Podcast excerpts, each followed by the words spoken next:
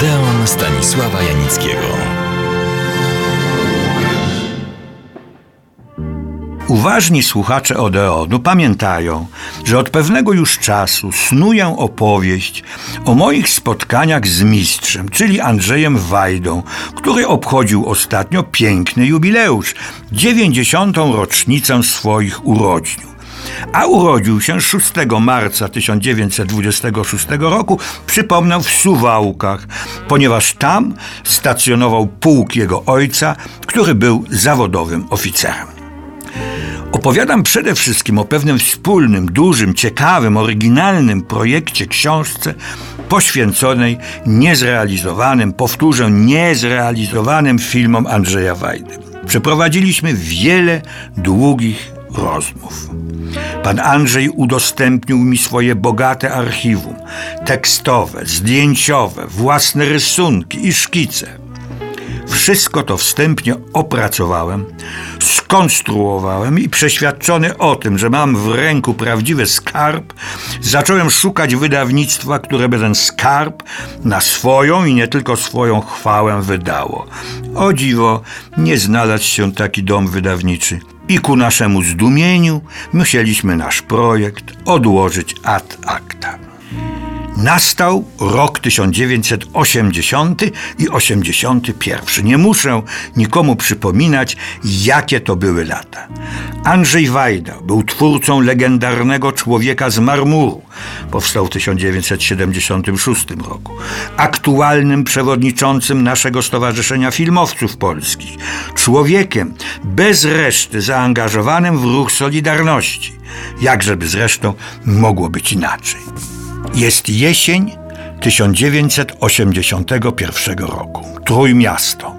W Oliwie odbywa się drugi zjazd Solidarności, a w Gdańsku kolejny ogólnopolski festiwal filmów fabularnych. Po dziś uważanego i słusznie za najważniejsze wydarzenie, najważniejsze święto polskiego filmu. Czułem się zaszczycony, bo powołano mnie do oficjalnego jury. Znalazłem się nagle w towarzystwie Jerzego Andrzejewskiego, Izabeli Cywińskiej, Kazimierza Kuca i ale to temat na inne opowiadanie, Zbyszka Rybczyńskiego, naszego Oscarowca za rewelacyjne tango. Wracam do Andrzeja Wajdy. Jest ranek, hotelowe śniadanie. Piękne słońce, nastrój pogodny, lecz napięty. Na stole bułeczki i jajka na twardo. Herbata niesłodzona.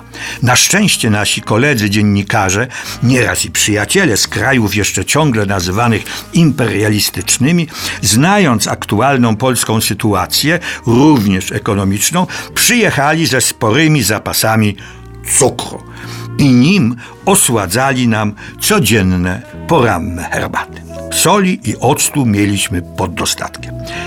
Ale kto tam wtedy myślał o cukrze, kiedy świat trząsł się w posadach? Któregoś ranka, tak żując tę dosyć czerstwą bułkę, zagryzając patriotycznie, bo bez wątpienia polskim jajkiem i popijając herbatą z niestety niesłusznym politycznie cukrem, spojrzałem i ujrzałem Andrzeja Wajdy w glorii i chwale. Mówią to bez cienia ironii, bo mu się i jedno i drugie należało i należy jak siedzi w takiej słonecznej, porannej poświacie w otoczeniu swych przyjaciół, współpracowników. Złośliwi nazywali to dworem Wajdy i z nimi rozmawia. I wtedy pojawiła się myśl straszna, wredna, której się wstydzę po dziś dzień, ale wydała mi się wtedy zbawienna. Przecież teraz, w tej sytuacji, jakie wydawnictwo odmówi wydania książki poświęconej Wajdzie, której on jest bohaterem? I to w tak oryginalny autorski sposób.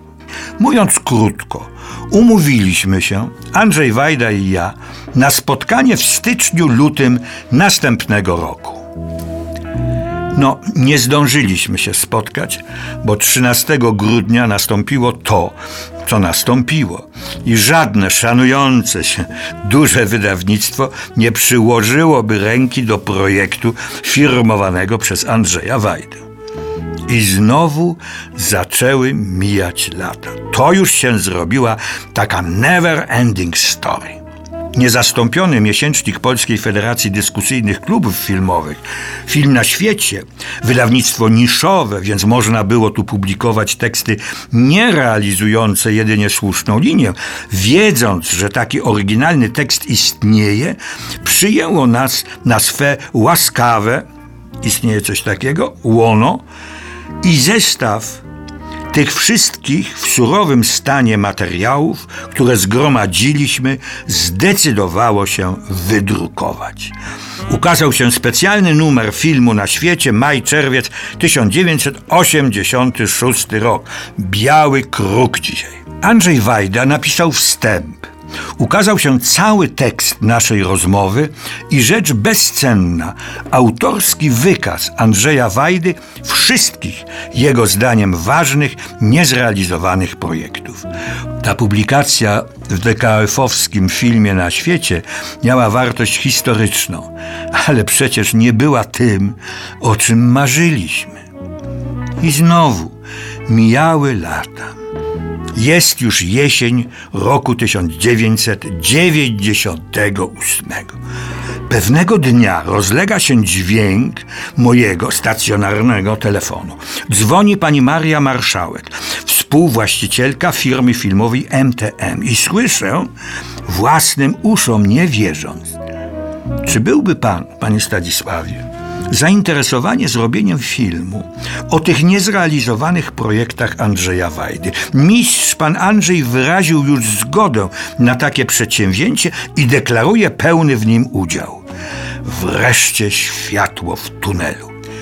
Czy Państwo wytrzymacie jeszcze piąty odcinek tej mojej opowieści? Jeśli tak, to serdecznie zapraszam.